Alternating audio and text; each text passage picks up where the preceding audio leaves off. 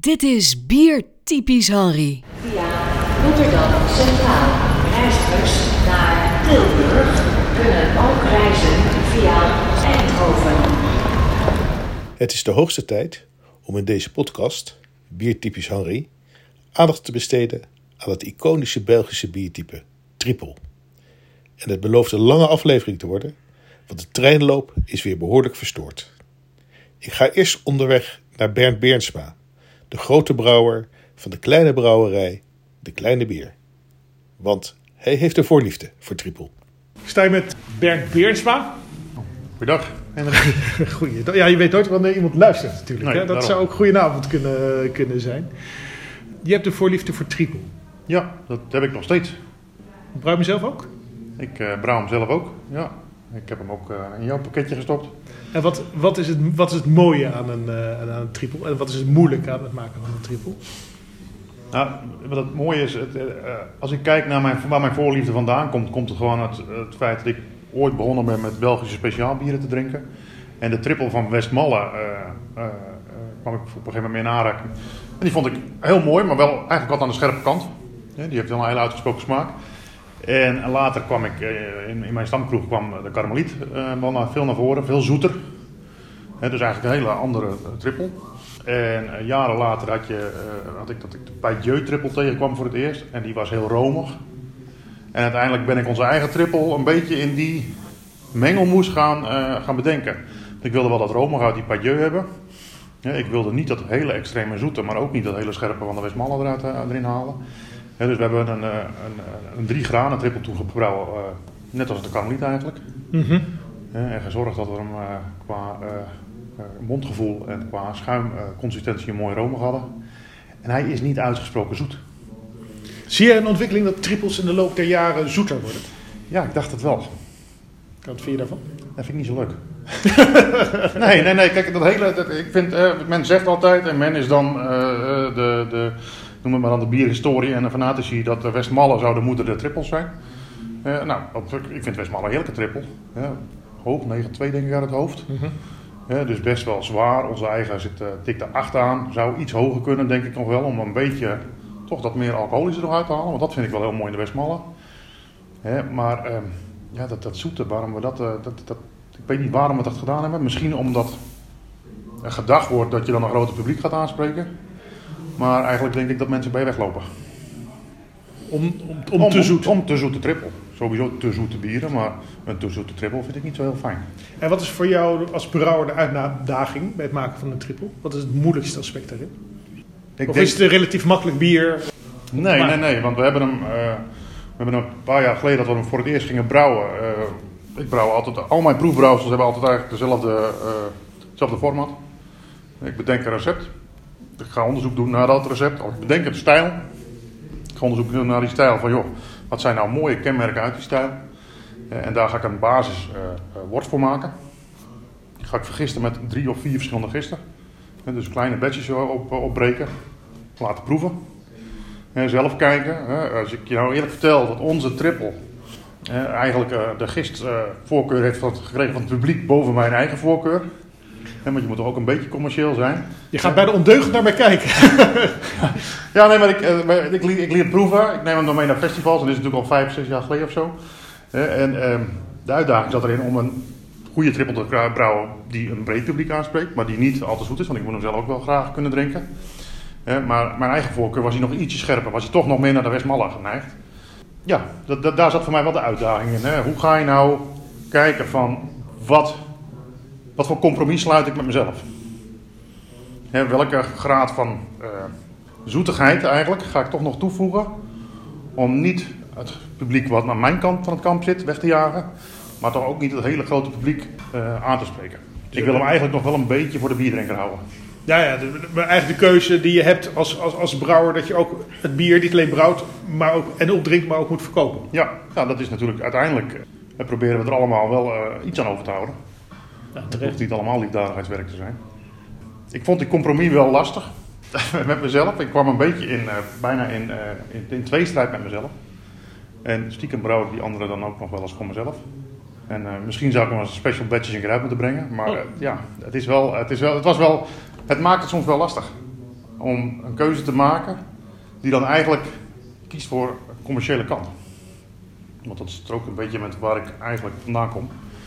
Nou, ik vind het een mooie, mooie spannende overweging. Je hoort het niet zo vaak. Van ja, luister eens, eh, eh, heel vaak het idee van ja, craftbrouwers die, die volgen helemaal hun hart. Dat doen ze ook. Maar ja, eh, er moet ook brood op de plank. Nou ja, als ik helemaal mijn hart had gevolgd, dan hadden we met dit bier, wat nu denk ik op festivals naast, let op, naast ons blonde bier. Want dat zijn nog steeds de bestsellers die wij op festivals, eh of we of IPA's meenemen. Ons blonde bier is nummer 1, onze triple is nummer 2. Altijd. We hebben vorig jaar Mout Festival nog gedraaid. En eh, samen met de Blauwe IJsbeer waren, dat, eh, waren onze bieren, ook hun blond en hun triple. En onze blond en onze triple waren de best verkopende bieren van het festival. En dan denk ik, ja oké, als ik kijk naar onze Double IPA, die verkocht ik in mijn regio, hè, want ik ben heel lokaal georiënteerd. Die raak ik gewoon nauwelijks kwijt. Maar onze triple wel. Maar ik, ik zie ook dat eh, bij de Dutch Beer Challenge, dat de, de categorie met de meeste inschrijvingen is triple. Ja, Nog steeds. Dat geloof Ook hier in 2021. ja, dat geloof ik. En ik denk dat we nog heel veel mensen kunnen overhalen naar dan wel het craft bier te komen, dan wel, eh, of het nog speciaal bier moeten noemen, weet ik niet. En maar door mooie trippels te brouwen. Maar het is ook een fantastische biersoort. Ja, vind ik ook.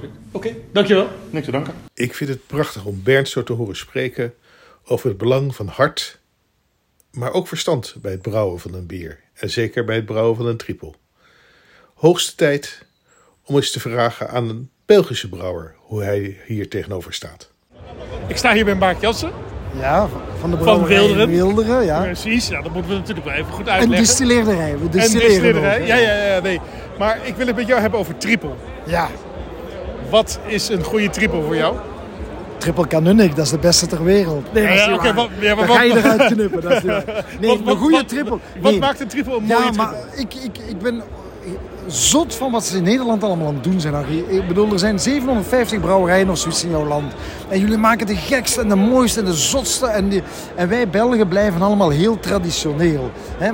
Wij hebben een viergranen trippel, gerst, haver, tarwe, rogge, wat kruiden erin, wat hopsoorten. Maar allemaal heel braaf. En in Nederland, een trippel, bij jullie hebben bijna geen... geen ehm, vaste gegevens meer. Jullie brouwen de gekste combinaties, gelijk ze in Amerika ook doen. En, en jullie zijn, ja, Nederland. Als ik begon met bier in 88 waren er 14 brouwerijen. Jullie hebben er nu 300 meer dan wij. Wij zitten maar aan 400 in. Maar wij hebben allemaal traditionele en daarom een triple, dat is leuk. Ik ben trots op mijn Canunic. Ik ben er echt trots op. Het is een heel mooie triple. Maar jullie, jullie hebben zo geweldige, zotte dingen. En dat is iets dat misschien in België toch wat ontbreekt. Nee, dat, dat, dat, mooi. En dank voor de complimenten voor de Nederlandse biercultuur. Maar ehm, ik zoek misschien ook wel weer wat, ste wat vastigheid. Wat, wat, wat ankers van ja, alles kan. En veel is ook lekker. En sommige Maar- dingen lopen fout. En dat, dat mag ook en dat, dat past Ja. ook. Maar als ik nou wil weten, wat, waar moet een goede triple aan voldaan, voldoen? Want dat is gewoon een anker. Dat is een anker in de bier. Ja, maar mijn Cultuur. norm, mijn norm is ook in Wilderen als je ons bezoekt. Ik wil dat 95% van mijn klanten goed gezind naar huis gaan. Voor 5% kan ik nooit goed doen. Want wij maken geen Imperial Stout met koffiebonen en frambozensap. Ik zeg maar iets gek. Wij doen dat soort dingen niet. En daarom, mijn triple is ook een triple voor 95% van de bevolking. De grootst gemene deler. En eh, de ene vindt misschien de, de, de, een Karmeliet beter of een, of een Westmalle triple. Of hè, je hebt al die mooie merken, maar het is allemaal in dezelfde lijn. Heel toegankelijk. Hè, een gemiddelde bitterheid, gemiddelde smaakbeleving, gemiddeld. Maar geen extreme dingen daarin. En daarom bedoel ik, ik ben zeker dat jullie in jouw land en en in Nederland veel mooiere, allee, veel mooiere niet, maar veel extremere dingen hebben dan wij. Al onze trippels zitten allemaal een beetje in dezelfde smaakprofiel. En, en stoort je dat? Of, dat is overigens wel... We staan hier op de, ik moet misschien even zeggen, we staan hier op de vakbeurs BBB. En het is al wat, eh, wat later op de middag, dus het is wat rumoerig. Dat is waarschijnlijk wel te horen. Het is rumoerig, maar eh, we hebben weer heel veel Nederlandse klanten en Belgische Limburgse klanten gelukkig gemaakt. Maar ik snap wat je bedoelt. Wat is, wat is een, voor jou de perfecte triple? Ja, want ik heb dat ook aan Nederlandse brouwers gevraagd. Maar ik wil dat nu eens uit de mond ho- horen van... Iemand die Een dan al, Belgische brouwer, ja, al die- 36, 34 jaar dat doet. Voilà. Wij hadden in een tijd hadden wij Lucifer. Was Lucifer een triple? Wij hadden in een tijd Sint Arnoldus triple bij Riva. En dan later ter dole triple gemaakt. En nu is het dan uh, triple canonic. Ja, ik denk dat een mooie triple moet gewoon mooi, rond, vettig, zacht, smaakvol. En, en de vraag en de zin om een tweede glas, dat moet er zijn. Dat is eigenlijk voor mij de perfectie. Als de, iemand... de goesting wat jullie... Uh... Ja, die goesting. Uh, weet je waar ik van kik? Als ik in, in, ergens in, in Nederland op een terras zit en dat gebeurt effectief.